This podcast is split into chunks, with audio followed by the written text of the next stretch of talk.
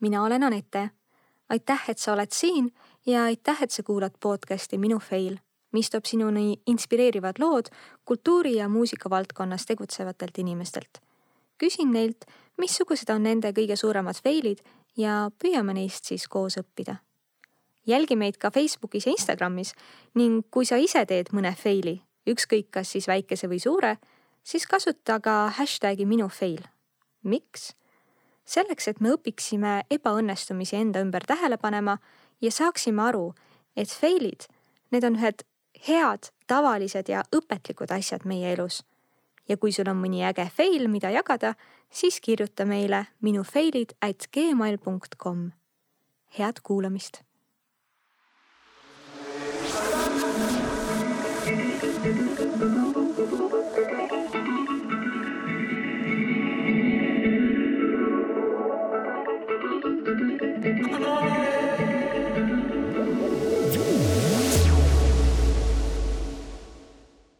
tänases saates ei ole meil Kellit ja ei ole ka laivkülalisi. küll aga on meil stuudios siin üks väga-väga põnev vestluskaaslane, kelle nimi on Toomas Tuul. ja kui sa tead, mis on Toomus Torbatensis, siis sa ilmselt tead juba, kes Toomas on. aga kui sa veel ei tea, siis eh, Toomas ongi Teaduse ja Kultuuri Sihtasutuse Toomus Torbatensise akadeemia programmi juht. Toomast huvitab väga kosmos, ninjad ajalugu ja inimesed ja sügisel saab temast programmi Noored kooli raames ka õpetaja. ja muidugi on ta lubanud meiega oma feile jagada. tere, Toomas. tere, Anette. hakkame siis äh, kohe nagu selliste raskete küsimustega pihta. mida sinu jaoks tähendab edu või edukas olemine ja kas sa enda arvates oled edukas inimene? ma küsisin hiljuti oma venna pojalt täpselt sama küsimust et kas tema on edukas ja kas tahaks olla edukas ja siis me arutasime ja temaks ütles, tema ütles, et kõige tähtsam on ikkagi rikas olla. et äh, ilma selleta nagu edu ei saa, et sa võid äh, teha asju, aga, aga raha peab olema. ja siis ma leidsin, mul on täpselt vastupidi, ma, ma loodan, et ma ei saa kunagi rikkaks, see on nagu eeldus, et minu jaoks ähm,, et ma saaksin ennast eduka või õnnelikuna defineerida ja edu on, mõõdaks mina peamiselt selle järgi, et mis on minu mõju maailmale ja otsesemalt võib-olla isegi inimestele, kuna minu tegemised ja tööd on suuresti seotud inimestega. ehk siis näiteks õpetajana. et kui, kui paljusid õpilasi ma mõjutan midagi tegema, mingeid valikuid, vastutust võtma, maailmas midagi paremaks tegema. ja siis, kui mul on tunne, et, et neid, et mul seda mõju on, siis ma tunnen, et ma olen ka edukas. ja ma kujutan ette, et sellised tavalised mõõt-, mõõturid nagu näiteks raha, see võib just nagu tähelepanu kõrvale viia sellelt, mis tähtis on. nii et sa hakkad õpetajat, õpetajaks selleks, et edukaks saada, saan ma õigesti aru? mõneti küll ja, ja ma tunnen, et see, see on see koht, kus, kus edu saab just leida, et ma olen siiamaani tegelenud äh, noorte tudengite ja täiskasvanute haridusega aga koolis on see õigem punkt veel, kus varem sekkuda, et, et olla ise edukas ja teha teisi edukaks siis selles mõttes. üks põhjuseid, miks ma just äh, sind podcast'i kutsusin, on see, et äh, me tunneme üksteist juba pikka aega.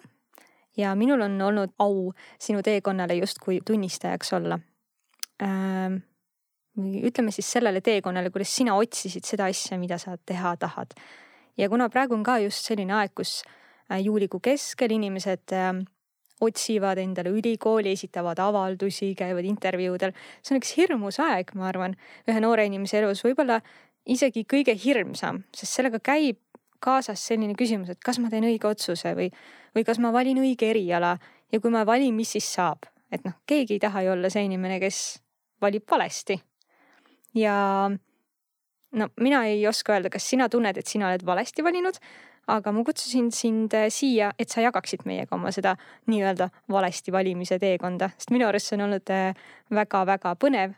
Ja siis me saaksime rääkida, kuidas sa oled jõudnud sinna kohta, kus praeguseks oled inimene, kes noh, minu hinnangul tahab ja julgeb suunata neid muutusi, mis ühiskonnas toimuvad.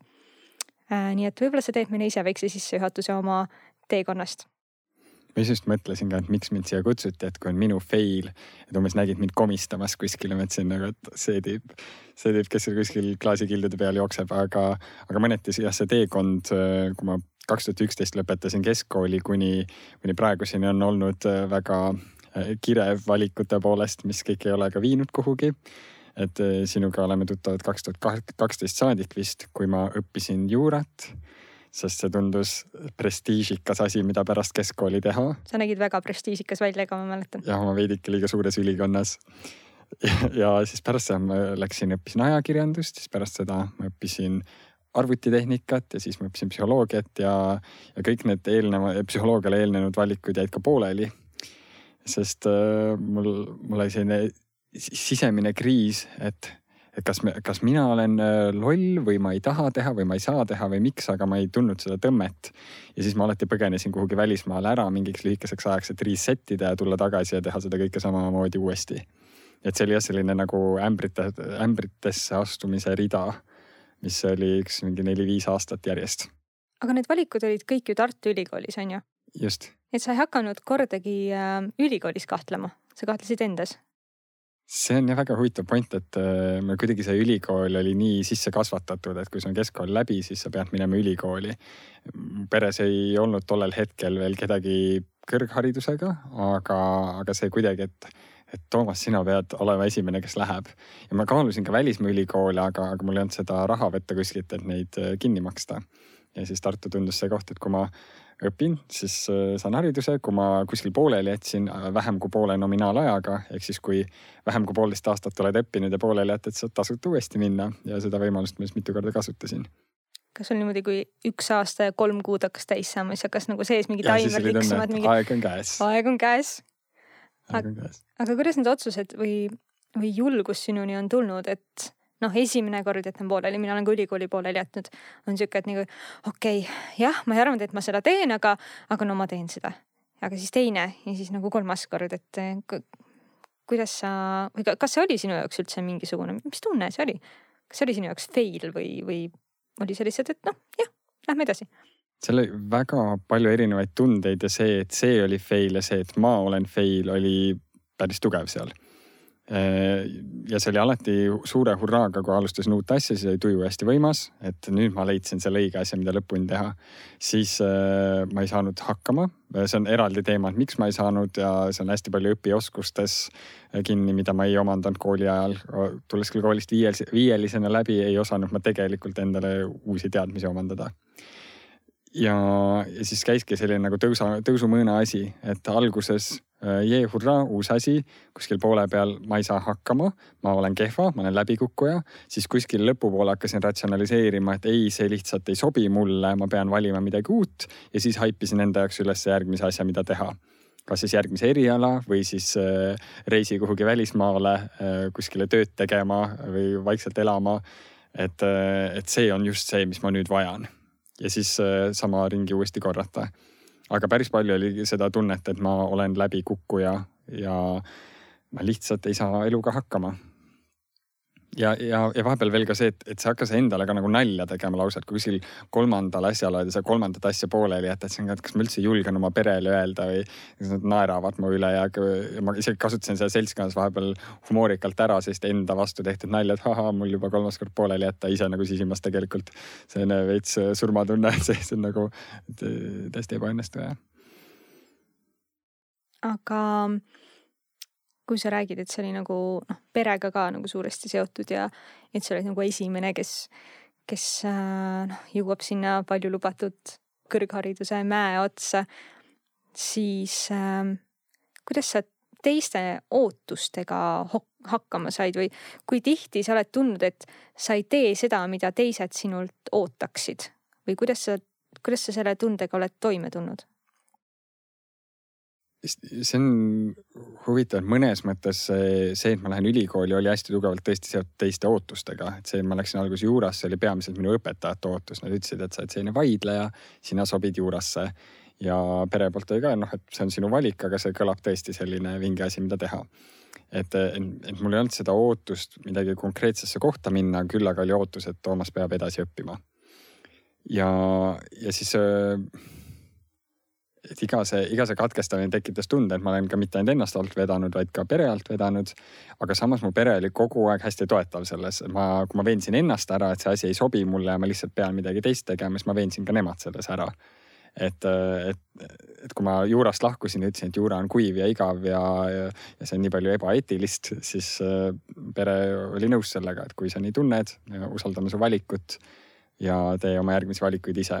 võib-olla see on ka see, et miks mind, miks see teekond hiljem mul on nagu lõpuks ikkagi mingisse kohta kohale jõudnud ja miks ma ühel hetkel oma eluga järje peale sain, et et kogu see, kogu aeg minu lähedased usaldasid minu valikuid, isegi kui need olid kohati väga veidrad et sa teed oma, ise oma valikud, sul on oma põhjused nendeks, me oleme sinuga olemas, ükskõik mis need valikud on.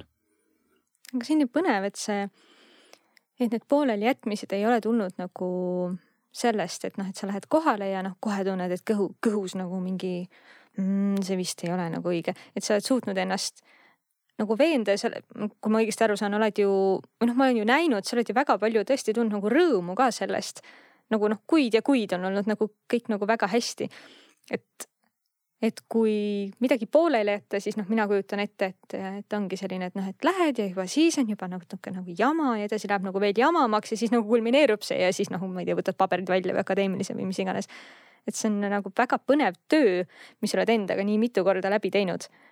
et see ei ole nagu sihuke, et noh, alustad siit ja läheb nagu alla, vaid kuidagi.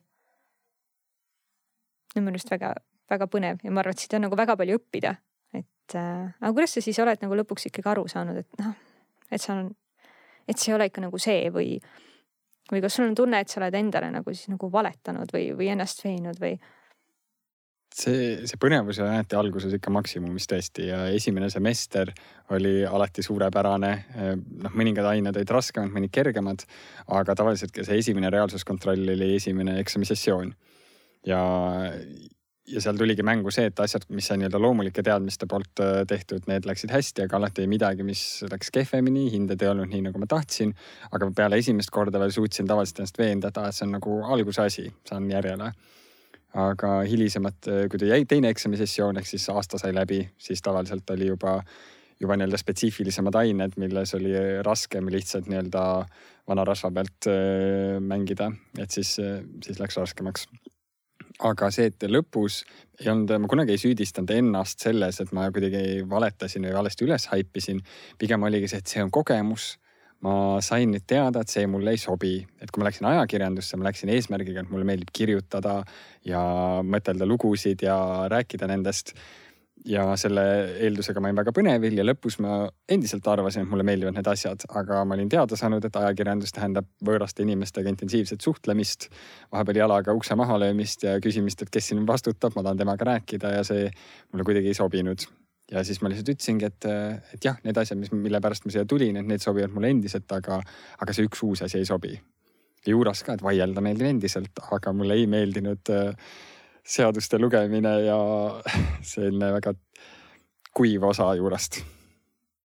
aga kas sa praegu tunned, et sa oled nagu seal, seal, kus sa tahad olla, seal, kus sa pead olema?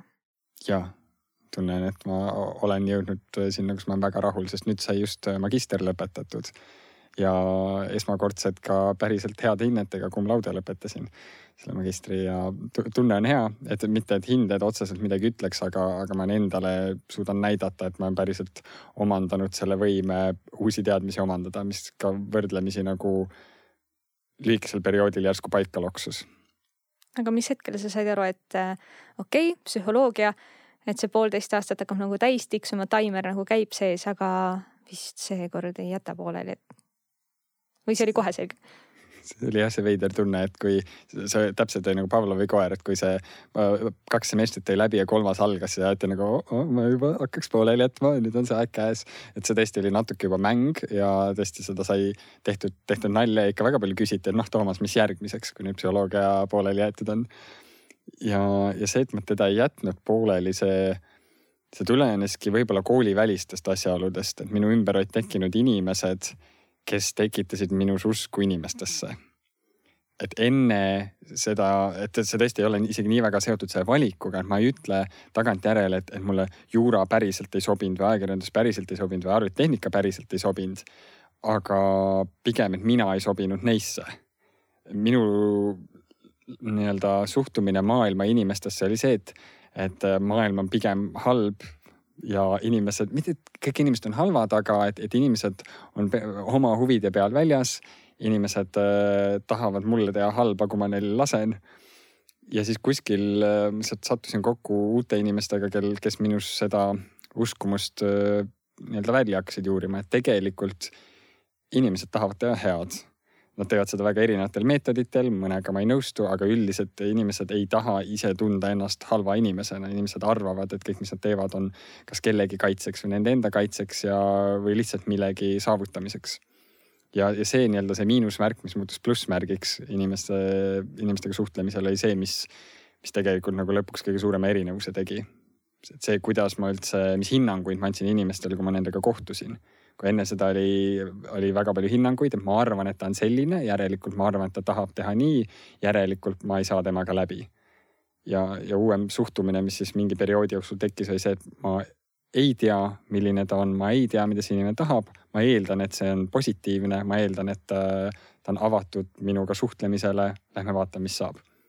ja seetõttu oli ka psühholoogia esimene koht, kus mul tekkis selline lennutunne, et ma leidsin endale päriselt sõpru sest kuigi sinuga me oleme üsna ammu juba tuttavad, siis mul ei olnud väga palju sõpru ennem lihtsalt seepärast ma hoidsin ennast väga peidus inimeste eest. ma suhtlesin inimestega, aga ma ei lasknud kedagi endale päriselt ligi. just sellel samusel põhjusel ma arvasin, et, et inimesed on loomu poolest natuke pahatahtlikud. noh, ja mida rohkem nad teavad, seda rohkem on kellelgi sinu vastu midagi ära kasutada. ja see on, noh, see on väga suur probleem. ma just täna siia sõites mõtlesin, et oleks ma kümme aastat tagasi osanud mõelda, et, et äh, lähen Toomasega kohvikusse istuma ja võtan näiteks diktofoni kaasa, ma arvan, et me saaks nagu nii hea raha eest praegu müüa nagu neid podcast'i osi lihtsalt. sest me istusime ikka tunde ja tunde ja see nagu, see oleks põnev praegu kasvõi järele nagu kuulata. aga see on tõesti muutunud ja, ja, ja mina suhtusin samamoodi ja see on see koht õpetamises, mille, mille puhul ma olen hästi-hästi tänulik, et see on mu maailma avardanud sinnapoole, et noh, ma saan aru, et nagu sa näed nagu päevast päeva lapsi, kes noh, võib-olla teevad natuke halbu asju koolis, on ju, aga sa saad aru, et seal, seal on alati parim tahe taga, noh, enda suhtes parim tahe. et siis see, see muudab tohutult kogu seda noh, maailmaruumi, kuidas seda vaadata. aga mida sa praegu teed? Selgita meile, mis on TD Akadeemia, mis on äh, StratLab? ja äh, kui sa ennem mainisid Toomustor Patensist, siis see ongi see TD ja TD all on kaks peamist osa, on TD Akadeemia ja TD StratLab. ja tõepoolest, ma juhin TD Akadeemiat ja ma olen konsultant TD StratLabis. sellist kaks erinevat tegevust, mille mõlemal on ühiskondlik eesmärk ja TD Akadeemia on muideks üks nendest kohtadest, kus ma siis äh, kohtasin neid inimesi, kes tekitasid minus uskumuse, et, et maailmas on midagi head. see, nüüd kui ma räägin sellest, see kõlab nagu mingi selline lillesekt, kus me kõik läksime kokku ja siis olime energiaringides ja, ja mõtlesime, kui palju head on maailmas, aga pigem see oli ka selline ühiskonna analüüsi võimet arendav arengu ja juhtimisprogramm et äh, arenguprogramme on igasuguseid palju, aga, aga vähestes on seda, seda ühiskondlikku fookust palju, et me me õppisime jah endaga tegelema ja oma vaimse tervisega tegelema, aga lisaks sellele ka praktilisi oskusi maailmas hakkama saamiseks, sealhulgas ka tiimi juhtimine ja esinemine ja väitlemine ja eesmärgistamine. ja lisaks sellele ka, et kuidas üldse ühiskond funktsioneerib. kust sai alguse demokraatia, miks on praegu demokraatia võrdlemisi kõige levinum äh, riigi juhtimise vorm mida tähendab üldse riigi juhtimine, kes peaks juhtima, kas inimesed päriselt juhivad, kas demokraatia töötab, kas demokraatia võiks olla vahendatud või otse või esinduslik või kuidas, kuidasmoodi. ja, ja selliste asjadega me seal tegelesime, aga inimesed, kes seda programmi juhtisid, olid minu jaoks väga inspireerivad selles, et nad uskusid, et kõik halb, mis maailmas on ja maailmas on halbu asju, kliima soojeneb ja suvi on tervenisti väga palav olnud ja järgmine aasta on veel palavam. aga midagi saab teha võib-olla siis see, see nagu vibe, mis, mida mina üritan ka edasi anda Teede Akadeemias, on see, et, et kui me koos töötame, kui inimesed koos midagi teevad, siis nad saavad päris vingeid asju teha, nad saavad ka väga palju halba teha. aga kui me koos töötame mõtestatult positiivsete eesmärkide poole, siis me saame teha paremaks asju. ja see ei garanteeri, et kõik läheb hästi ja võib-olla inimkond on hukule määratud, aga see ei pea nii olema. meil on võimalus ja siis ma olengi läbinud see programmi nii-öelda osalejana ja ma nii väga tahtsin jääda, et ma küsisin, kas ma, kas ma võin tiimis olla. lubati olla tiimis ja siis järgmine aasta ma juhtisin tiimi ja siis juhtisin järgmine aasta teist tiimi ja siis kuidagi jõudsin nüüd sinna, et, et juhin seda programmi, mis on siis Tartus ja Riias hetkel äh, kahes linnas, aga kavatseme ka Leetu minna järgmine aasta ja siis teede StratLab on äh, selline teine suund, mis on arenenud välja sellest, et kui akadeemia tegeleb noorte inimeste ja tudengitega, et neile anda seda tööriistu ja, ja lihtsalt ka seda usku, et maailmas saab teha asju paremaks, siis StratLab äh, suun-, on suunatud just organisatsioonide poole ja peamiselt avalik ja kolmas sektor. et, äh, et kui nii-öelda inimesed on see, meil nagu ühiskond koosneb sellistest piiridest ja inimesed on nagu see need asjad seal piiride vahel, siis organisatsioonid ja institutsioonid on need piirid. et, äh, et nad nagu ei ole ühte ilma teiseta ja need kaks nagu pidevalt mõjutavad üht-teist, et, et inimesed mõjutavad ühiskondlikke mustreid ja ühiskondlikud mustrid omakorda mõjutavad inimesi ja, ja siis need ühiskondlikud mustrid ongi seotud sellega, mida me teeme StratLabis, et näiteks kui me Äh, nõustame mõnda kooli, aitame neil arengukava teha, siis me tegelikult mõjutame haridussüsteemi, mis omakorda mõjutab neid tulevasi äh, siis äh, changemaker eid või maailmamuutjaid, kes, kes tahavad akadeemiasse tulla midagi tegema. kas seda muutust on Eestis näha, et need inimesed, kes tulevad akadeemiast, on pildis, teevad midagi, muudavad ühiskonda, avaldavad arvamust, kas seda on tunda? iseenesest akadeemia on veel üsna noor meil on, me oleme kuus aastat või nüüd juba peaaegu seitse aastat akadeemiat teinud praegusel kujul. aga võib-olla minu jaoks kõige selgemini nähtav äh, nii-öelda positiivne mõju, mis sellel on olnud, on, et kui oli viimane Tartu, äh, Tartu tudengiorganisatsioonide koostöövõrgustiku äh, ümarlaud ehk siis Ole rohkem ümarlaud, siis ruumis oli üle viiekümne inimese, kellest viisteist on käinud kunagi Teede Akadeemias ja seal need kõik olid erinevate tudengiorganisatsioonide juhatuse liikmed või juhid. et äh, akadeemiast on tulnud väga palju aktiivselt juhtimisvastutust võtvaid inimesi. ja samas enamus, kes olid ka alguses akadeemias, on veel endiselt mingil tasemel tudengid ja ei ole veel nii-öelda laia maailma laia, laiali lennanud, nii et see otsene mõju on veel selgumas aga see, et on inimesed, kes julgevad võtta vastutust millegi eest, mis nad näevad, et äh, on valesti, et meil on piisavalt palju vilistlasi, kes on alustanud oma organisatsioone, kes on läinud mõnda teise organisatsiooni ja võtnud seal vastutust, et seda on päris vinge näha eemalt. väike reklaamiminut ka, kust inimene üldse kuuleb sellisest asjast nagu Teede Akadeemia? tavaliselt sõpradelt, kes on seal käinud meil on praeguseks mitusada vilistlast Tartus ja, ja viimastel aastatel tõesti tunneme, et see Äh, suust suhu sõna levib hästi ja meist äh, räägitakse, meil on väga positiivsed kogemused inimestel olnud. ja see on üks viis, kuidas sellest kuulda, aga teine viis on ka näiteks erinevatel Ole rohkem üritustel, siis kus Tartu tudengiorganisatsioonid ennast reklaamivad, näiteks sügisel alati toimub Raekoja platsil tudengiorganisatsioonide mess. Ja seal on meie ka üleval ja räägime, mis me teeme. mind huvitaks ikkagi korraks veel mis hetkel, mis hetkel käis see klõps, et inimesest, keda noh, võib-olla, no ma ei saa öelda, et sind ei huvitanud, mis su ümber toimub, aga ütleme noh, sind huvitas pigem võib-olla see rohkem, mis toimus sinu sees mm. -hmm. mis, mis hetkel saab sellisest, sellisest inimesest äh, selline inimene, kes nüüd otsustab nagu päris aktiivselt maailma muutma hakata? nagu, kas sa oskad nagu sellele klõpsule panna või, või kas see on nagu, missugune mõtteviisi muutus see on? Mõnes mõttes on see hästi selline samm-sammu haaval. aga kuidas ma võtaks seda kokku, on üks sõna, see on vastutuse võtmine. ja see algab vastutusega hästi väiksel määral ja ma tunnengi, et enne neid, seda, seda klõpsu, mis minul käis siis kuskil kaks tuhat viisteist, kuusteist kandis, enne seda ma ei võtnud vastutust isegi enda eest. ma tundsin, et ma olen mingisugune see on nii-öelda fikseeritud paika, milline ma olen. ma noh, jah, ma saan mingil määral maailma mõjutada või inimesi enda ümber mõjutada või ennast mõjutada, aga lõppude lõpuks nagu miski ei muutu sellest ja, ja vastutus oli ära antud kuhugi, kuhugi mujale. ja, ja see ongi, et esimese asjana lihtsalt vastutus võtta selle eest, et mina saan ennast muuta ja mina saan saada paremaks ja siis äh, sealt järgmine samm, mis aasta hiljem võtsin vastutuse teiste inimeste eest ja näiteks kui ma läksin esimest korda juhtima tiimi, siis tiimi juhtimine ei ole nii, noh, me organisatsioonina on ju korraldasime seda programmi, siis tiimi liige ja tiimijuht ei tee väga erinevaid asju. noh, mõlemad viivad seda programmi läbi, aga suur erinevus ongi see, et juht võtab kõik selle koju kaasa ja ta mõtleb õhtul sellele, et kas tiimil on hea, kas see kõik töötab, kas nad saavad hakkama, kes on osalejad, kuidas neil läheb, kas nad saavad hakkama oma asjadega. ja siis lihtsalt ja samm-sammu haavalt hakata võtma rohkem vastutust endale.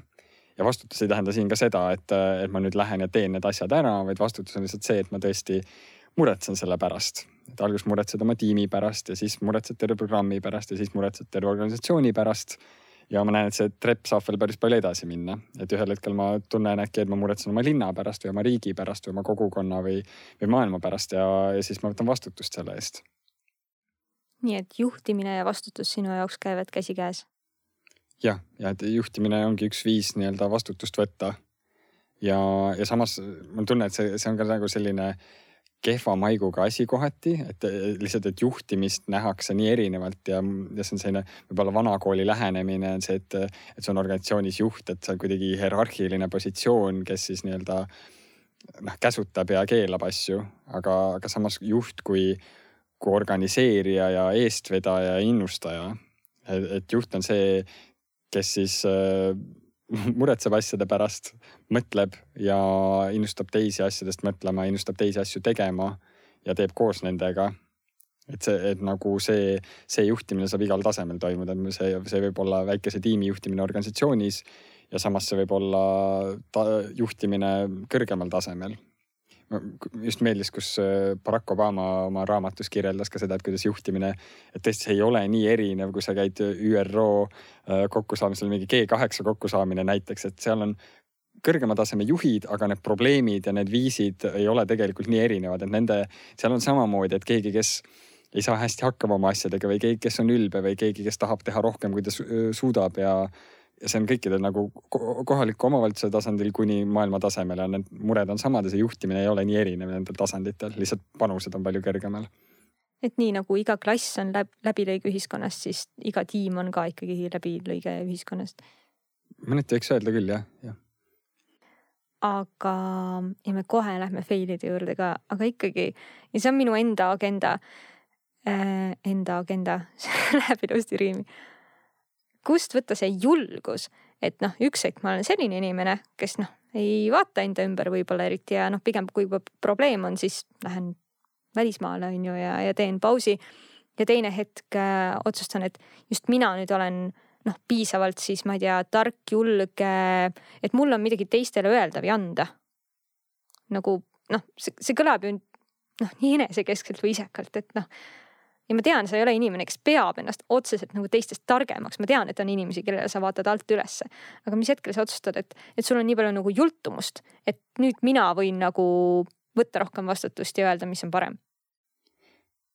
Ma tunnen, et see, mida sa ka natuke siin kaudselt kirjeldasid, mis mulle minu elus on tähtsal kohal, on see imposter sündroom, et nagu eh, see võiks tõlkida petise sündroom, et see, see tunne, et tegelikult ma ei tea midagi, aga inimesed arvavad, et ma tean või oskan rohkem, kui ma tegelikult oskan. sihuke fake it till you make it nagu. ja, aga ongi, et see, see till you make it isegi ei pruugi mängu tulla, et ma lihtsalt fake it, sest inimesed arvavad, et ma oskan midagi.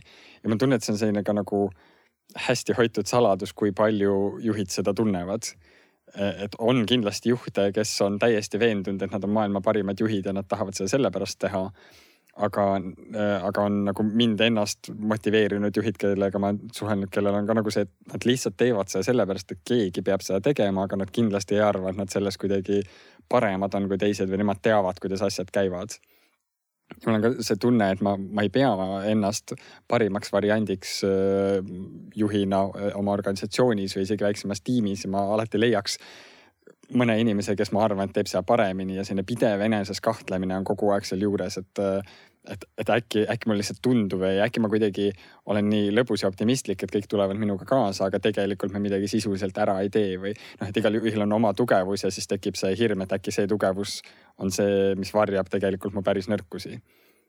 ja, ja see nii-öelda jultumus lõpuks on lihtsalt see, et aa, aga ma tahan seda teha ja mul on tunne, et nagu keegi teine ei tee et, et kui mina seda ei teeks, siis, siis äkki ei teeks keegi ja noh, siis pean see ikkagi olema mina.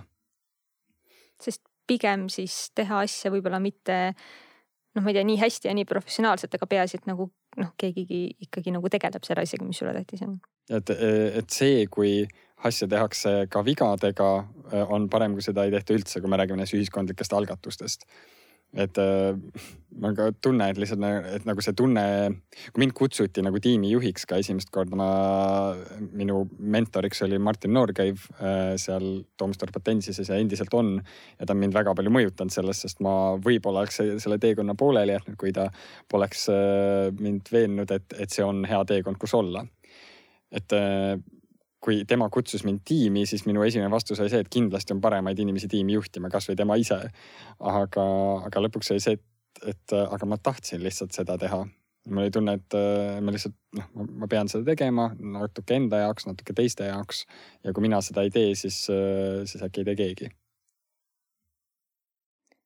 aga nüüd ma lasen sul noh jah, kõigepealt natuke vett juua, aga täiesti omas tempos äh, jagada enda elu suurimaid feile?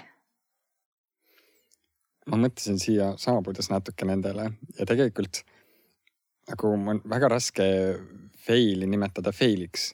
sest enamasti fail on ka nagu lihtsalt õppimiskoht, et needsamused kõik äh, erialade pooleli jätmised. ma ei näe neid fail'id enam, lihtsalt näen, on nagu mingid sammud selle poole, kus ma praegu olen ja ma olen rahul sellega, kus ma praegu olen et, äh, et selles mõttes jah, minu suurim fail, mis mul lõpuks pähe tuli, ongi lihtsalt see, et ma eeldasin keskkooli lõpuks, et ma, mul peavad olema asjad selged. ja ma tundsin häbi, et mul ei olnud. no mis äh, asjad sul ei olnud selged? see ongi, et mida ma tahan teha ja ma, ma kuidagi arvasin, et kõik läbivad keskkooli niimoodi, et, et sa käid keskkoolis ära ja siis sa pärast mõtled, aa, ma tean, minu roll ühiskonnas võiks olla see, selleks ma lähen, õpin seda ja siis olen seal organisatsioonis ja teen seda ja, ja mul oli kuidagi ettekujutus, et, et see niimoodi peaks olema ja ma veits häbenesin seda, et minul ei olnud. ja siis ma üritasin mingit narratiivi oma peas luua, et kui ma läksin sinna juurasse alguses, siis ma olingi loonud narratiivi, kuidas minu, minu juura aitab mul midagi maailmas saavutada ja samas ma üldsegi ei suutnud mõelda nagu maailma tasandil tollel ajal. et sellised, olgu, et see juura aitab mul osta endale maja ja auto ja luua pere ja siis see ongi see, mis on minu roll maailmas. ja, ja siis tegelikult nagu järele mõeldes on tunne, et et enamus klassikaaslased olid samas, samamoodi segaduses. Ja nad veits häbenesid seda, sest see on ikkagi nagu kuidagi lapsevanematel on ka see eeldus, et noh, nüüd oled valmis, mine ülikooli. ja nii paljud teised ei jätnud pooleli oma asju ja mõni neist on väga õnnelik oma valikutega, aga mõni ka tegi asjaliselt läbi sellepärast, et ta tundis, et see on see, mida peab tegema, vanemad tahavad, et nii et minu, minu fail oli uskuda äh,, uskuda seda, et, et kõigil peavad olema asjad selgeks mõeldud tolleks ajaks aga missugune hoiak äh, Eesti hariduses sinu arvates seda tunnet äh, külvab, et inimesed nii arvavad? või noh, minu arust jah, kõik kuidagi arvavad, et keskkonna on läbi ja nüüd olemegi valmis. ma, mul on tunne, et, et see võib-olla on ka natuke muutumises praegu, sest minu ajal äh, kui ma lõpetasin, oli väga vähe karjäärinõustamist ja sellist individuaalset lähenemist õpilasele isegi räägiti, et vist tulevad arenguvestlused, aga mina kunagi arenguvestlust lõpuks kätte ei saanud, kuigi ma väga tahtsin, sest ma oleks seal pillanud selle saladuses hoitud fakti välja, et ma tegelikult ei tea üldse, mis ma teha tahan. kas sa oleks öelnud ikka? okei okay,, ma tegelikult ei tea, aga ja, ja. ma tahaks loota, et ma oleks seda öelnud. aga, aga, aga võib-olla ikkagi õpetajad piisavalt väga nii-öelda nad uskusid minust mingeid asju, mis ma olin neile öelnud, et noh, näiteks see juura, et ma ei oleks julgenud öelda, et ma tegelikult ei tea et, et see ongi võib-olla see, ka see õpetaja soov näha oma last edukana, mis on see, mis ma täpselt alguses ütlesin, ma tahan, et ma lähen kooli ja siis minu õpilased on edukad. aga tahtmine seda saavutada nii kiiresti, et see nüüd laps ongi kooli läbinud mina tahaks, et minu õpilased, nad minu tundide jooksul mõtlevad, oo, ma nüüd tegelikult tean, mis ma tahan teha ja siis ma lähen seda õppima et lihtsalt ma kardan, et ma panen sedasama survet neile omakorda edasi, mille all ma ise kannatasin. Et, et on üks õpetaja, kes ütleb, sinust ikka peab saama see ja ma näen, et sinus on seda. et mul on vennatütar, kes on praegu äh, kaksteist ja ta joonistab hästi palju. ja siis kõik ütlevad talle, et sinust peab kunstnik saama, et ilmselgelt. ja keegi ütleb, peab, aga no et ilmselgelt tast tuleb kunstnik ja samas nagu tahaks ka seda öelda, aga, aga see loob ju täpselt sedasama, sedasama nii-öelda teekonda talle ette, mida ta võib-olla peaks ise valima. Et me oleme otsustanud, et ikka sinust peab kunstnik saama. ja tegelikult mul ei ole ka õiget vastust, et kas siis see lahendus on see, et me ei ütle neid asju, ütleme, et avasta ise, aga, aga mida ta siis avastab ise. ja kui sa oled mingis kinnises sellises asutuses nagu keskkool olnud, olnud tükk aega, sa ei ole kogenud erinevaid töid, sa ei ole näinud erinevaid riike, sa oled käinud muuseumis ja teatris, aga siiski veetnud kaksteist aastat suhteliselt ühe pundi inimestega, siis see võib olla täiesti paratamatu, et kõik on väga segaduses pärast seda aega. ja lihtsalt andagi seda ruumi, et tee midagi, proovi midagi ja ebaõnnestumine on okei okay. aga see ebaõnnestumise tunne on praeguses hetkes üldse midagi, mida sa kardad või tahad vältida või see on sulle kuidagi juba nii omane, et sa ei, sa ei mõtlegi sellele või missugune sinu suhtumine ebaõnnestumisse on praegu? See, see kõlab nagu üliklišeelt, et ebaõnnestumine on õppimise allikas või midagi sellist.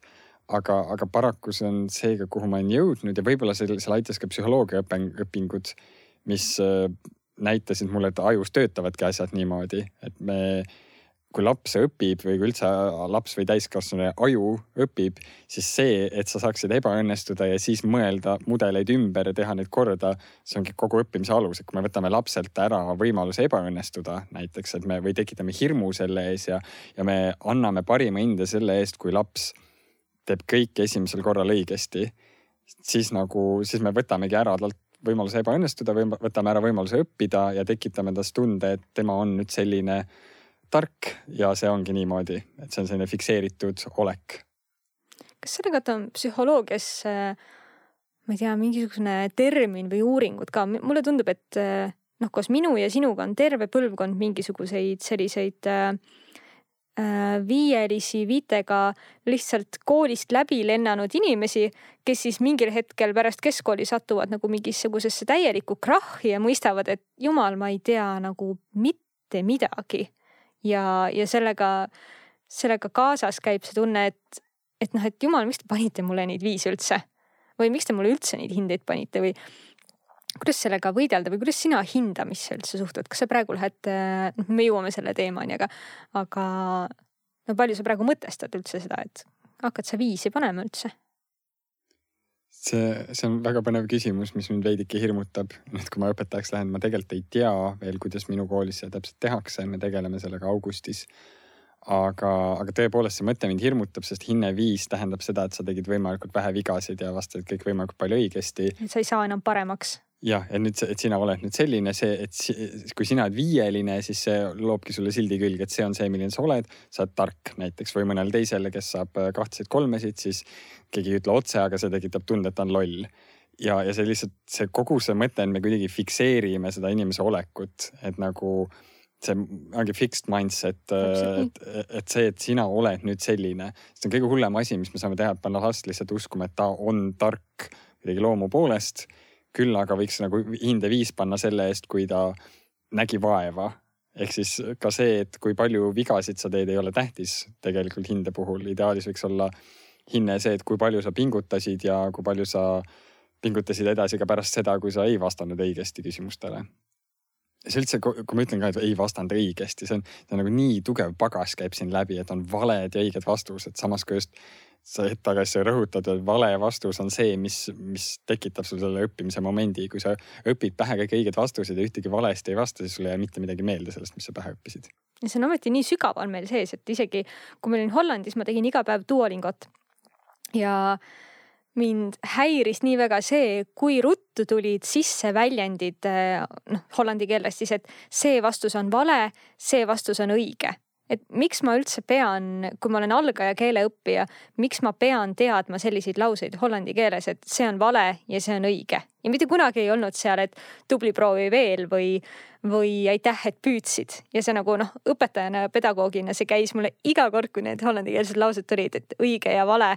ma ei, noh, ma tahaks nagu ära kustutada need sealt või, või kuidagi, noh, see on nagu see, kui sügaval sees meil see õige ja vale uskumine on minu arvates ma tunnen, et see on nagu ka ühiskondlikult hästi, hästi tugev, et meil, meil on kogu aeg see tõmme sinna hõimuühiskonna poole, selle kauge mineviku poole, kui oli hästi selge, et oli see, mis sa võid teha ja on siis need tabud, mida ei tohi teha, kas siis spirituaalsetel põhjustel või šamaan ütles, et sa ei tohi neid asju teha ühiskond oli meeletult lihtne ja seal oli hea funktsioneerida ja nüüd me kogu aeg liigume järjest komplekssema ühiskonna poole, kus on järjest rohkem vaja ise otsuseid langetada. ja sul ei ole enam nii õigeid ja valesid otsuseid, sul on järjest rohkem lihtsalt hall ala, kus üks otsus teeb ühte ja teine teist, aga see ei ole õige ja vale, et kui, kui veel eelmisel põlvkonnal oli, oli see edasiõppimine oli ikkagi see õige valik ja mitte edasiõppimine oli vale valik. noh, ma küll väga lihtsustan, aga, aga see rohkem sinnapoole kaldu, siis nüüd võiks olla nii, et see, kui su otsus on mitte edasi õppida ja minna maailma seiklema, siis see on samal tasemel otsus nagu see, et ma lähen nüüd ülikooli haridust omandama, et see ei ole õigem ja valem üksteist suhtes ja samas ongi see, et veidike eelmise põlvkonna poolt on ikkagi seda survet noh, et, et ikkagi on õigem omandada kõrgem haridus. et ma ei ole kuidagi kõrgema hariduse vastu, aga ma arvan, et see on nagu üks otsus paljudest ja see ei ole õigem kui teised.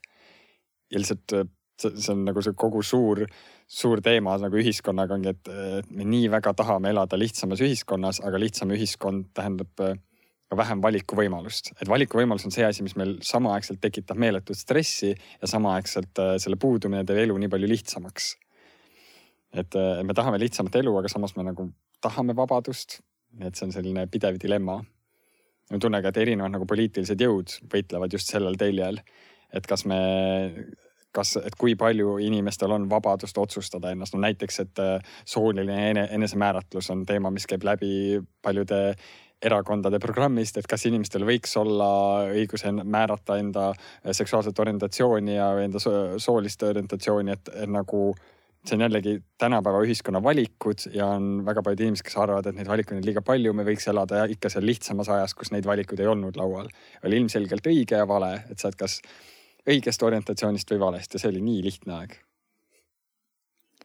aga praegu, kui sa mõtled ikkagi nagu tagasi ja kui sa enne rääkisid oma äh, ülikooli teest ka, siis nagu see fail imise tunne käis sinuga ju kaasas kuidas sa sellest välja kasvasid, et sa praegu ütled niimoodi, et see ongi ainus loogiline viis?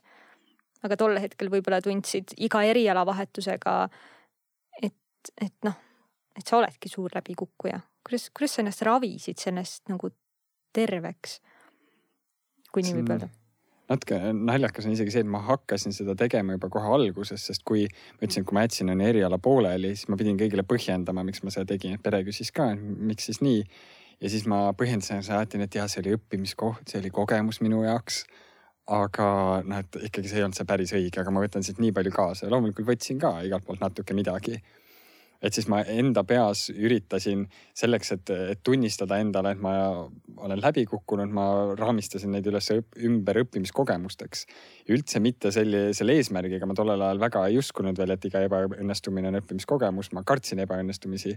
aga kui need juhtus, siis ma raamistasin need ümber ja, ja kuidagi nüüd ma olen jõudnud lihtsalt selle teadmiseni, et see, see ongi ebaõnnestumine, et lihtsalt sa teed midagi valesti ja nüüd sa saad valida õiget valikut ja sa saad oma mõttemudeleid ümber teha. et, et see on ka selline võrdlemisi märkamatu protsess olnud, kus ma ei ole nagu seda, seda sisu muutnud, vaid see, et kuidas ma sellest mõtlen lihtsalt et, et ka varem ma nii-öelda siis selliseid suuremaid ebaõnnestumisi, mida mina tundsin, raamistasin ümber õppimiskogemusteks rohkem teiste pärast, et lihtsalt teistele öelda seda, aga siis mingi hetk ma sain aru, et need tõepoolest on seda, ma ei pea, et ma tegelikult ei valetanud teistele, kui ma ütlesin, et see oli suur kogemus. et ikkagi nagu fake it till you make it on ju? natuke küll jah nii et see, aga sinu soovitus teistele inimestele oleks siis? Äh, fail imiste kohta. jah. just, just seesama, et, et sa ei saa teha nagu õigeid valikuid, kui sa ei ole teinud valesid. kas on mõni sündmus või olukord või ebaõnnestumine, mis on jätnud sinusse jälje, mis on sind inimesena muutnud, kui need ülikooli omad erialavahetused nii-öelda siis välja jätta? võib-olla, mis on selline ka nagu teine valdkond, aga mis kindlasti mõjutavad, on erinevad inimsuhted elus sealhulgas ka, et kui kellegiga olla, olla paar lühemat aega või pikemat aega, siis kui see läbi saab, siis on hullult, ütleme, et suhe oli, läks karidele, siis on hästi lihtne on võtta see nii, et aa, ma nüüd vihkan teda ja me enam ei suhtle ja saan rahulikult oma eluga edasi minna et, et, et see oli siis nagu üks läbikukkumine, mis mul oli, saaks võtta. aga samas teine viis ongi seda raamistada ümber niimoodi, et mina kasvasin väga palju selle suhte jooksul, isegi kui see läks karile, siis ka teine pool kasvas tõenäoliselt väga palju. ja siis on nagu, kui ideaalis kaks mõistlikku inimest saaksid sellest kokku leppida, me mõlemad kasvasime hästi palju, meist oli üksteisele väga palju abi oma eludes ja nüüd saame edasi minna erinevalt ja, ja tõesti nagu olla õnnelik seejuures. et, et mul siis, kui me ka kohtusime, siis tollel ajal ma just olin sellises umbes aastaajases suhtes, mis, mida ma tollel ajal raamistasin enda jaoks negatiivselt, et ma nüüd olin siin, ma mingi hetk tundsin, et ma ei ole õnnelik ja et see on nii halb, ma umbes, et kas ma raiskasin enda partneri aega, tema, kas tema on nüüd kurb ja kas ma raiskasin enda aega selle aasta jooksul.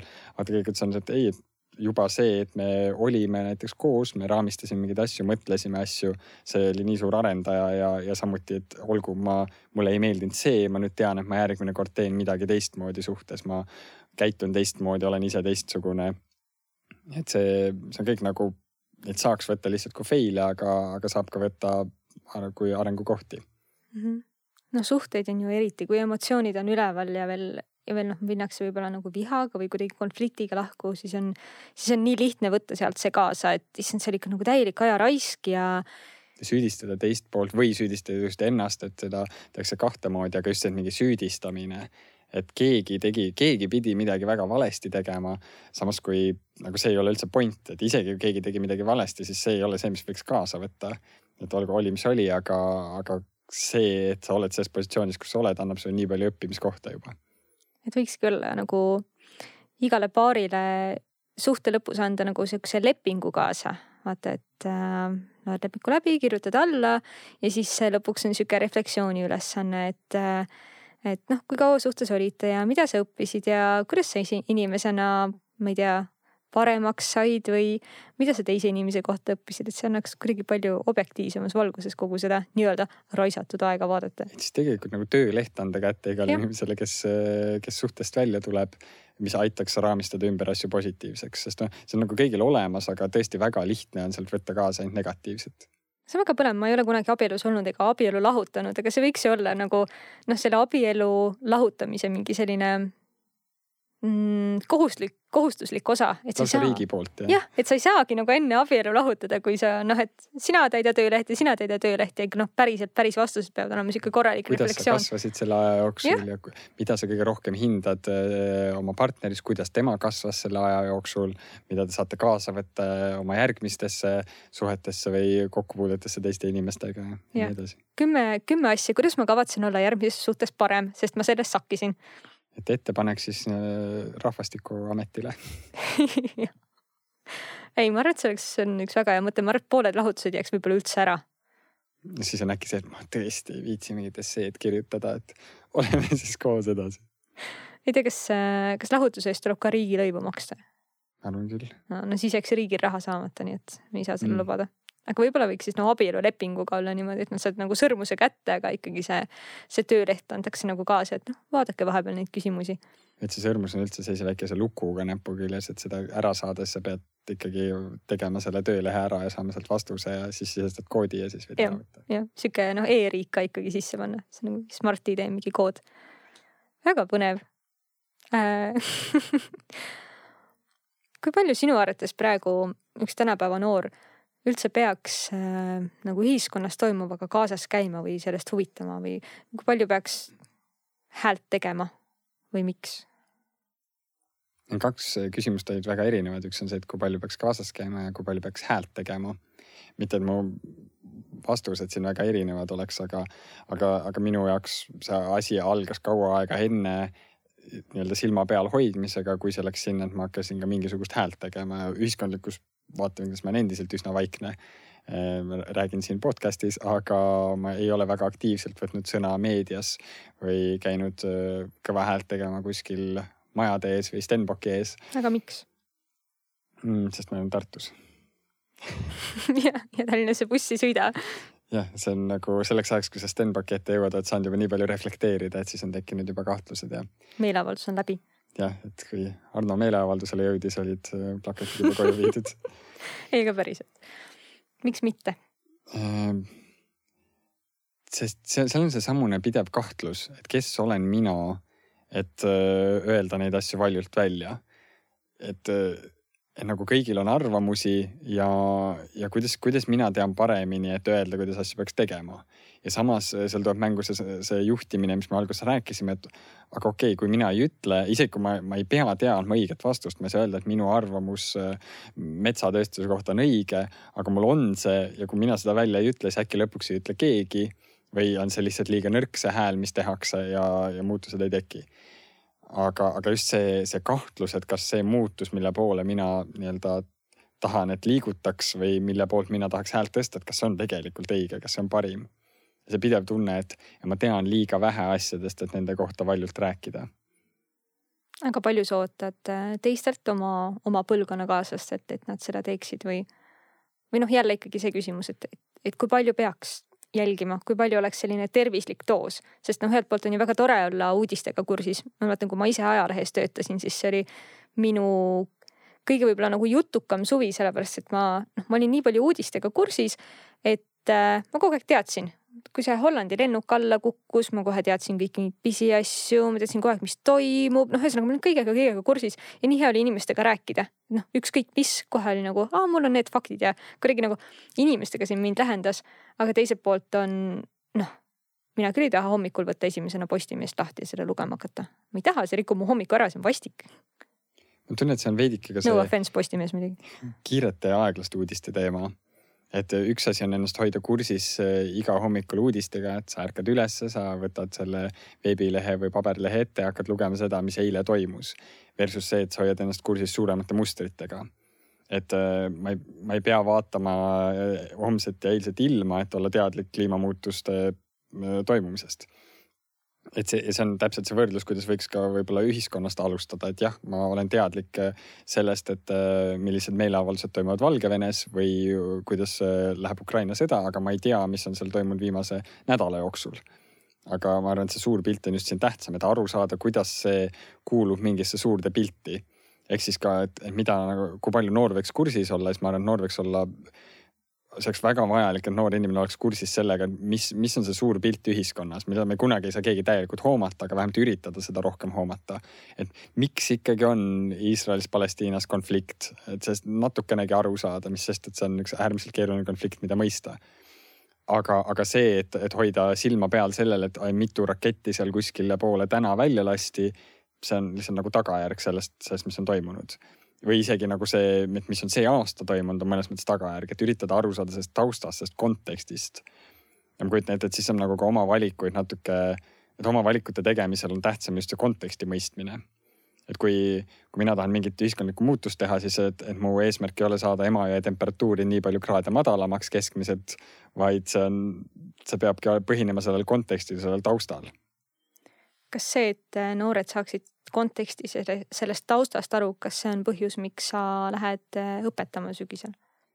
ma ütleks, et see on üsna otsene põhjus, sest ma lähen õpetama ajalugu ja ühiskonda, ma näen neid just selliste konteksti õpetustena. et ajalugu ja ühiskond ei ole minu jaoks erinevad ained selles mõttes, et noh, et ühiskond tegeleb nagu tänapäevaga, ajalugu tegeleb minevikuga, aga oma olemuselt mõlemad on just seesamune kontekst et äh, enamus asjad, mis me ümber toimuvad, on, tulenevad sellest kontekstist, et tõesti kliima soojenemine jällegi hea näide, et kust see on tulnud, see on ühiskondlikud muutused, mis toimusid mingi pikema aja jooksul, et nafta, aga miks, miks äh, tekkis naftabuum sada aastat tagasi, et seda omakorda saab konteksti põhjal vaadata veel varasemasse, et mis on, mis on energiaallikad ja miks üldse energiat kui sellist vaja on ja kuidas sellest inimesed enne, kui nad oskasid äh, maa alt energiat välja kaevandada ja nii edasi, nii edasi, et see on nagu lihtsalt see suur pilt, et aru saada seda mingisugust tänapäevast probleemi ja ma lähtungi sellest, et nagu ühiskonna ajalooõpetus on sama asi lihtsalt erinevas ajas. et kui me, et see ühiskonnaõpetus on see tänapäevane pilt, aga ajalugu on kõik see, mis selle taga on ja mis selle on toonud siiamaani. et üks ei saa elada, elada teiseta siinkohal. kuidas sa jõudsid selle otsuseni? mõtlen nüüd Noored Kooli yeah. programm. see juhtus kuidagi nii, et narkooliprogramm äh, läks viraalseks minu tuttavate seas et äh, mitu aastat tagasi juba järjest rohkem äh, sellised inimesed, kellest mina väga lugu pean, kes teevad ägedaid asju, ütlesid nüüd ma lähen Noored Kooli ja olen kaks aastat õpetaja ja alguses natuke ehmatas mind, et noh, et sa saaks ju ägedaid asju teha ja siis sa oled õpetajaks. et kas sa võtad nagu kaheks aastaks aja maha ja samas teisiti nagu olen teadlik, et õpetaja töö on väga raske, õpetaja töö ei ole töö, millega rikkaks saada tingimata.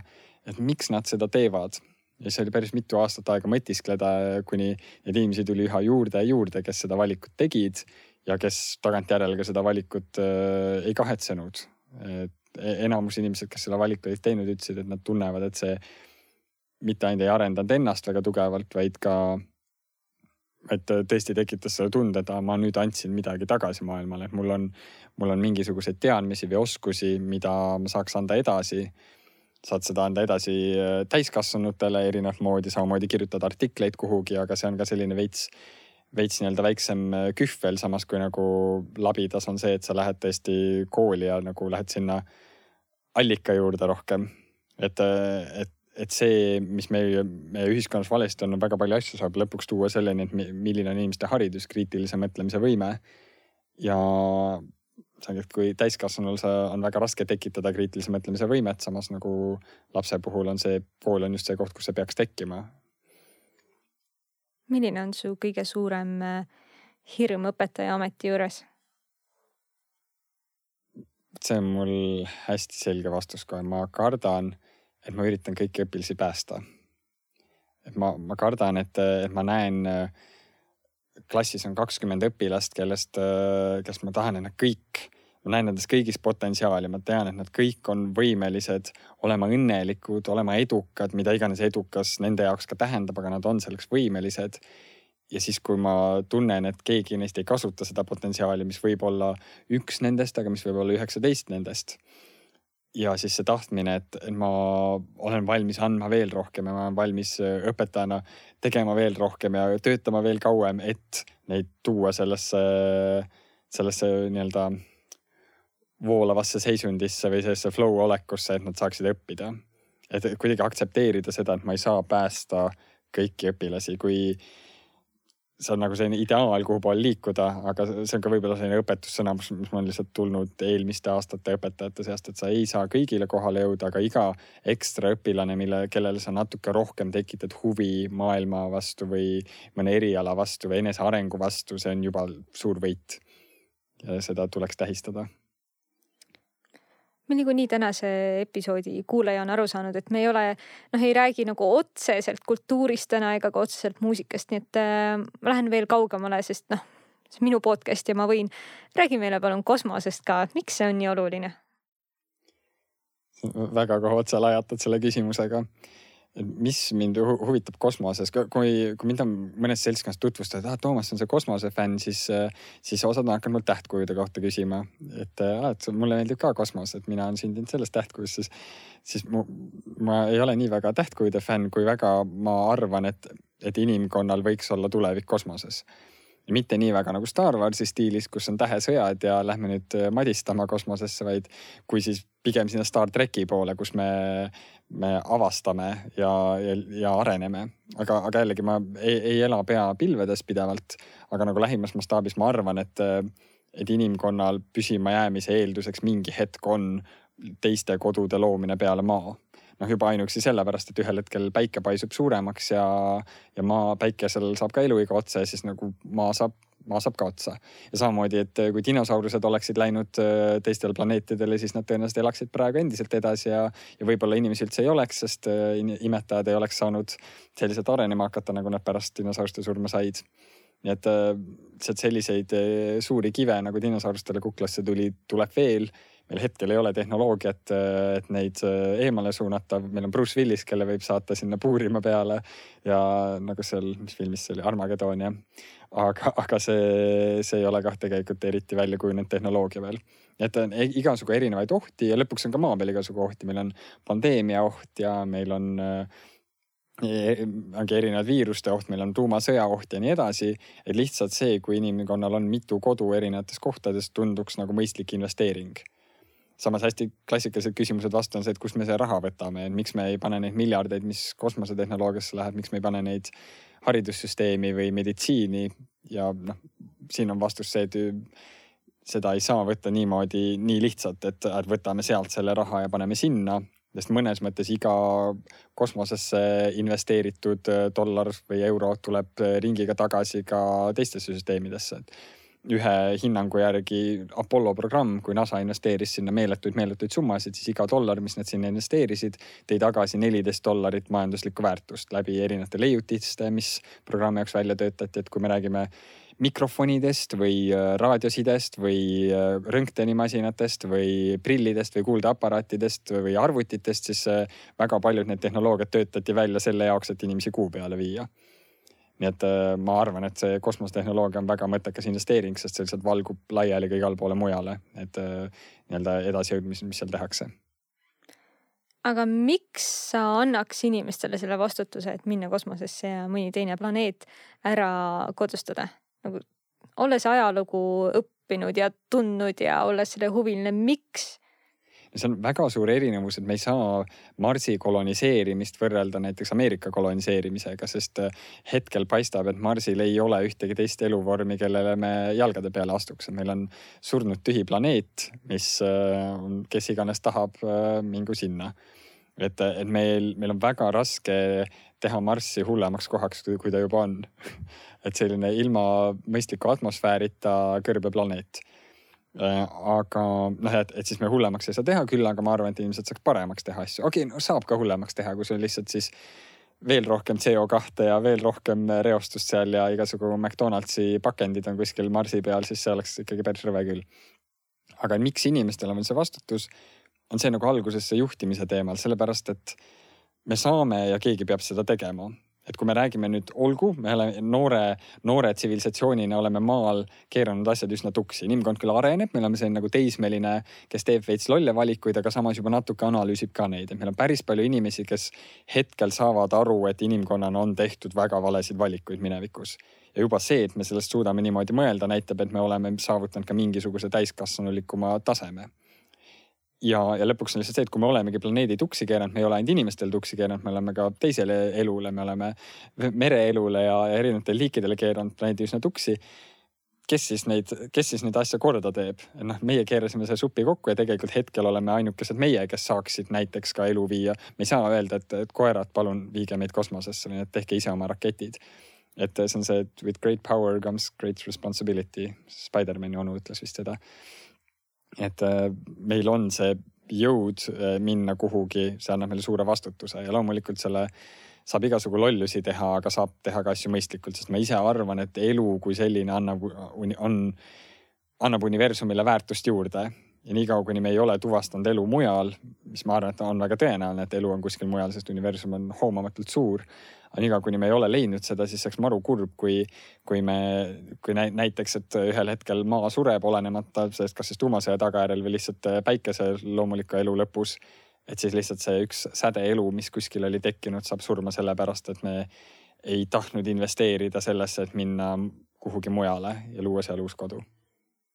et ühesõnaga siin, ka siin tasandil peab olema valmis, et me niikuinii no kui see kunagi toimub, on ju, Marsi koloniseerimine, teeme vigu, aga noh, pigem siis äh, noh, ikkagi teeme, mitte ei jäta tegemata. seesama põhimõte. täpselt see juhtimine jah, et, et me, me ei saa teha seda asju ideaalselt ja me läheme Marsile ja tõenäoliselt äh, keegi saab surma selle käigus jumala kindlalt saab, kui me, kui inimkond hakkab minema Marsile, siis keegi saab kuskil surma, mingi kosmoserakett lendab õhku, keegi inimene jääb, äh, jääb sinna kuhugi lõksu. Et, et igasugu variante on ja see juhtub aga see, see ongi, et juhtimine ei ole ideaalne, kunagi juhtimine on selline, ongi ämbrist ämbrisse astumine, aga nendest vigadest õppimine. ja samamoodi inimkonnana me oleme teinud meeletult vigasid, aga me vaikselt näitame ka, et me suudame neist õppida. ja tõsi, oma kehvematel päevadel ma kahtlen selles, kui väga nagu inimkond tervikuna suudab õppida oma vigadest ja samas paremal päeval ma usun, et, et me suudame. ja kui me praegu näitame seda, et et kui palju on tõstetud häält erinevate nii-öelda säästlike praktikate propageerimiseks ka nagu keskkondlikud eluviisid ja nii edasi. et see näitab seda, et me päriselt võtame vastutust halvasti tehtud asjade eest ja oleme valmis neid paremini tegema. nojah, see, see ei ole nagu võrreldav tasand, aga ma just äh, hiljuti sattusin ühe Youtube'i kanali peale, kus üks äh, ameeriklane ostis kuskilt Florida osariigis Ameerikas endale linna siukse vana linna, mis oli kunagi olnud hõbedakaevandus ja seal oli, ma ei tea, viissada maja ja palju rahvast ja kõik nagu toimis, kogu see infrastruktuur oli olemas. aga nüüdseks, kuna hõbe mingil hetkel muutus nii äh, odavaks, siis inimesed läksid ära ja see on täiesti noh, sihuke nagu ghost town ja ta teebki sellest oma, oma kanalit, ta näitab, mida seal teeb, ta on seal üksi. ja vahepeal käivad siis äh, mingid vabatahtlikud teda aitamas ja tahab ehitada sinna hotelli ja ta käib nendes äh, hõbedakaevanduse šahtides ja see on nagu nii, nii põnev, et sa saad algatada nagu ise sellist pisikest tsivilisatsiooni, sest see linn on sinu oma ja sa saad otsustada, et mis sinna tuleb või mida sa ehitad, mida sa ei ehita, kuidas.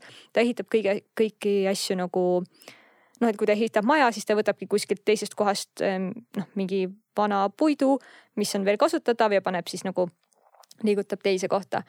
ja ometi äh, tal on seal kass ja juba mitu kassi ja vaatasin seda, et nii tore, vaata, et noh, inimesel, ta on üksi suurem osa ajast, et tal on kass ja kassil sündisid pojad. ja noh, hästi nunnu, hästi tore sündmus, kõik videos oli sihuke eriline koht, et oo, nii nunnud pisikesed. aga siis tuli välja, et ühel teisel kassil on ka pojad kuskil mingis vanas majas. ja siis ma hakkasin juba vaatama, et okei okay,, üks inimene, aga juba kuskil mingi kaheksa kassi poega on ju, et juba on nagu tasakaal nagu väljas, kuigi see on nii alustav asi ja mina noh, kohe andsin sellele hinnangu, et mingi mm, ta peaks ikka vaatama, et ta nendest kassidest nagu lahti saab või et noh, et äkki ta pakub oma mingitele kuulajatele või noh, see tundus mulle juba, et mingi. ai kuule, et see on su linn, aga noh, mõtle, et kas sa tahad sinna kõiki neid nagu kasse hulkuma. et äh, Marsiga võib-olla natuke samamoodi, et ilmselt on ka Marsil mingi hetk, kui on kakssada kassi ja ma ei tea, kolmkümmend inimest ei oska. aga mis on samas nii põnev, et, et Marsil me saame kui inimesed lähevad Marsile, siis nad saavad seal esimest korda nii-öelda ajaloos luua nullist alates ühiskonda. ühiskond on tekkinud mingisuguste olemasolevate asjade peale, et on hõimud, kes kogunesid kokku linnaks ja siis seal linnas oli vaja midagi, mingeid tegevusi juhtida aga nagu selline asi, mis on seni saanud ainult paberil teha, et sul lähebki esimene tiim sinna, see on kümme inimest koha peal. milline on nende juhtimisstruktuur, midagi peab seal olema, kes võtab otsuseid vastu, mis otsuseid, mis on vastutusalad. Ja no see on üsna lihtsasti tehtav, selline otsedemokraatia, et hääletame koos asju aga siis ühel hetkel sul sada inimest seal ja nüüd on juba palju raskem kokku saada, et teeme üldkoosoleku, aga ikkagi keegi on praegu väljas selle kulguriga sõitmas, me teda ei saa, et kuidas, kuidas tema otsus siis esindatud on ja nii edasi. ühel hetkel on tuhat inimest, kuidas me haridust anname nendele, kes tulevad ja seal see on nagu selline nagu nagu laboris ühiskonna loomine mõneti, mis on väga põnev ja samas noh, veits ka hirmus, et kuidas seda ikkagi tehakse, kas me suudame seda hästi teha ja tõenäoliselt seal tuleb neid minu fail'e veel kui mina peaks seda asja tegema.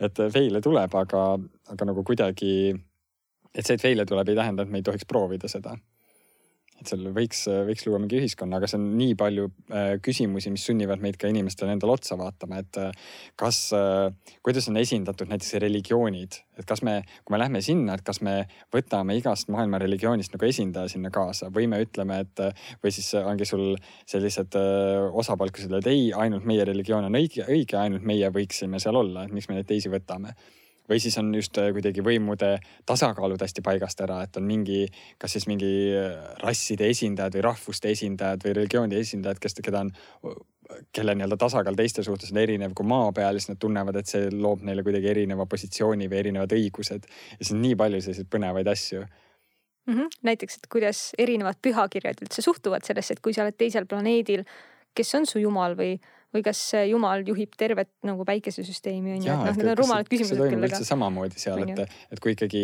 kui mõne pühakirja järgi maa on see ikkagi ainuke õige koht ja kodu, mis on nagu spetsiaalselt selle jaoks loodud, et kas üldse, kas seal, kas sinu palveid kuulatakse ka siis, kui sa oled seal teisel planeedil, mis ei ole nagu selle eesmärgiga loodud. ja põhimõtteliselt see on nagu, nagu selline teatridekoratsioon on see teine planeet on ju, et, et keegi kõikvõimas lõi selle koduplaneedi ja siis dekoratsioonid kõrvale ja siis need lollid inimesed lähevad elama selle dekoratsiooni peale lihtsalt. et, et, et kuidas see äh, erinevad kõikvõimsamad siis sellesse suhtuvad. võib-olla mõni keelab üldse ära selle ja noh, kuidas me sellesse suhtume siis mm. -hmm. see on nii palju põnevaid küsimusi selle uue ühiskonna loomises. no sellel noodil me saame liikuda meie lõpuosa juurde. ja äh, ma annan sulle nüüd erinevaid lauseid ja sina saad lõpetada ja püüa lõpeta sel-, lõpetada sellise esimese välgatusega, mis sulle pähe tuleb ähm,. aga võid mõtlemiseks natuke aega ka võtta äh,. kõige esimene, minu kõige uuem harjumus või oskus on? minu kõige uuem harjumus või oskus on enda emotsioone väljendada ilma filtreerimata äh,. Lähme emotsioonidega edasi. viimati naersin südamest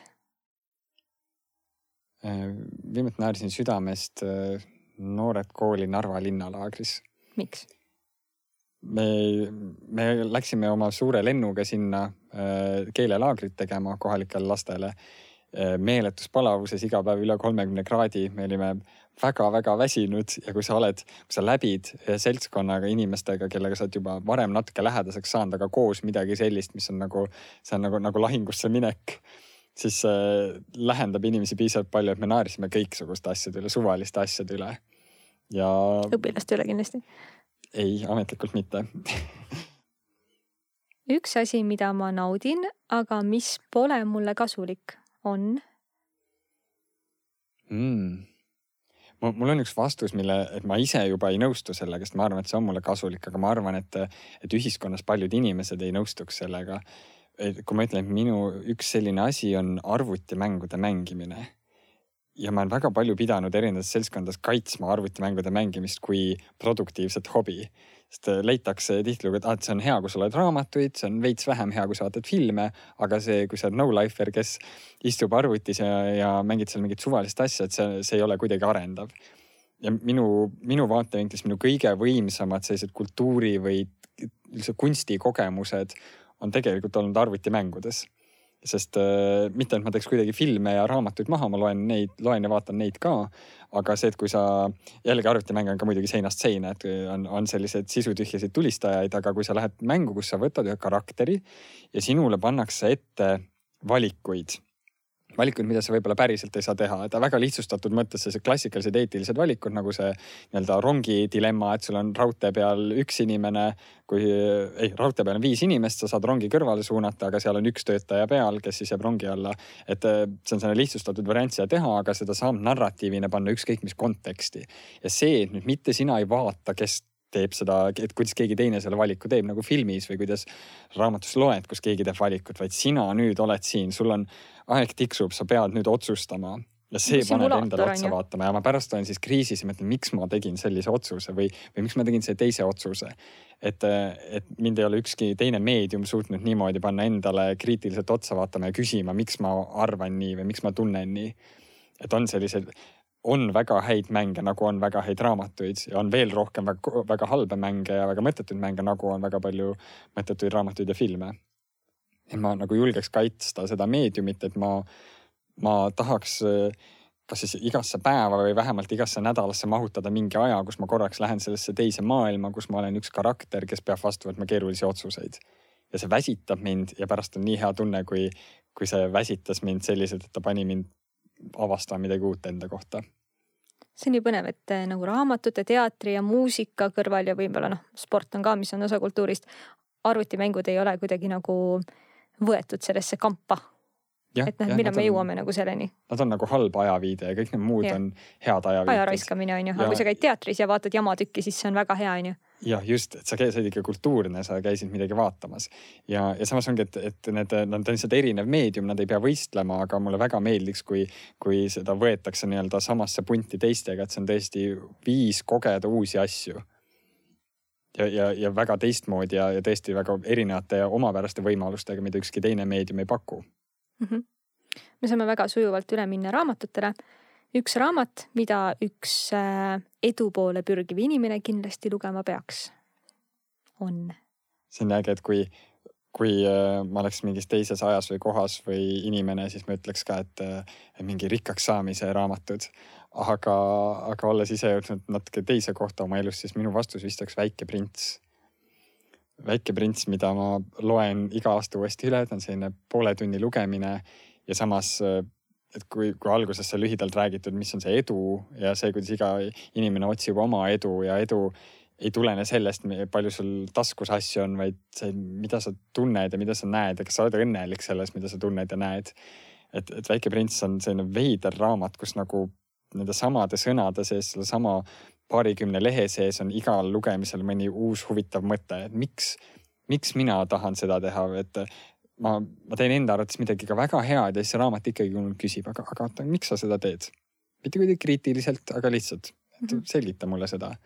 nagu, nagu Väike prints küsib mult seda, sest Väike prints küsib väga palju selliseid küsimusi. aga miks nii? et olgu, sa tahad minna õpetajaks, tahad aidata õpilasi, aga miks? ja, ja see suhtumine, et ma olen kogu aeg selline väike prints, kes, kes küsib mult neid, miks, miks, miks nii. see, see aitab ka jällegi seda eneseavastust teha, et et mul oleks jah vaja kogu aeg sellist väikest printsi kõrval, kes, kes küsib lihtsalt, et aga miks sa teed seda, mitte kuidagi paha pärast, aga lihtsalt miks ma tean, et sulle Väike printsi raamat, Väikse printsi raamat väga meeldib, nii et sa tõenäoliselt suhtestud ka sellega, mis kas ma olen kinkinud selle kunagi sulle, mul on sihuke tunne. sa, jaa, sa oled mulle kinkinud Väikse printsi ja ma sedasama loengi. Skaalal ühest kümneni, missugune on sinu õnnetase hetkel mm.? ma alati väldin sellistel skaaladel hinnet kümme, sest see me peaks üldse hakkama rääkima sellest, et mis on siis need skaala piirid. ma arvan, et see kümme on ikkagi siis, kui kui universum kirab elust ja ja ma see, Marss on koloniseeritud, on ju? Marss Marsiks veel, aga ma sõidan Alfa Centauri tähesüsteemi poole oma kosmosejaamas kiiremini kui valgus, sest tehnoloogia võimaldab seda ja ühtlasi maailma rahuga. et siis ma võib-olla ütleks kümme, aga ütleme, et praegu on üheksa siis. teeme üheksa, see on peaaegu, on ju. Äh, kui ma olen üksinda, siis ma mõtlen. vahepeal asju oma viimase vale rääkisin. Ah,. kui ma eile, mul oli peotäis komme ja ma ütlesin endale, et ma vajan neid ja siis ma sõin need kõik ära. Mul võiks selline suurem vastus olla, aga mul ei tule midagi sellist juicy't pähe, selline, mis oleks nagu eriti, eriti põnev vale, et kus ma kas päästsin kellegi või just määrasin hukule kellegi oma valega see oleks päris põnev, aga mul kahjuks ei ole sellist võtta. selles suhtes on okei okay,, et vaata nagu kogu see podcast'i mõte oli sinust nagu fail imisi kätte saada ja noh, tegelikult me ei saanud peaaegu ühtegi, nii et noh, juicy dus on noh, see küsimus on nagu läinud juba mingi nelikümmend viis minutit tagasi, on ju. aga, aga selles mõttes kommi ma sain kõvasti rohkem, kui ma tegelikult oleks pidanud, aga ma ütlesin, et ah, mul ongi energiat vaja. et see on ka minu fail aga viimane. Äh, ma olen praegu tänulik see on jällegi selline üsna klišee vastus, aga ma olen tänulik inimeste ümber, inimestele, kes minu ümber on. no klišeed on klišeed sellepärast, et nad on äh, tõsi. jah, täpselt. aitäh sulle, Toomas. mul oli sinuga küll see poolteist tundi läks nagu ülikiiresti. ma siiralt ei usu, et meil läks poolteist tundi. meil läks poolteist tundi. Äh, me oleme vähe vett joonud, et sellepärast on tunne, et äh, jõuaks veel. meil ei ole täna live-kuulajaid siin, aga, aga meil on Facebooki leht Minu fail, mida saab äh, like ida, kus saab ähm, ka meie varasemad osad kätte. Meil on Instagram, võite kasutada hashtag'i minu fail, et et fail imine saaks normaalsemaks osaks meie, osaks meie elus, eludest ja kui te tahate küsida midagi või Toomaselt või minult, siis minu fail'id at gmail.com nii et äh, kohtume juba järgmistes episoodides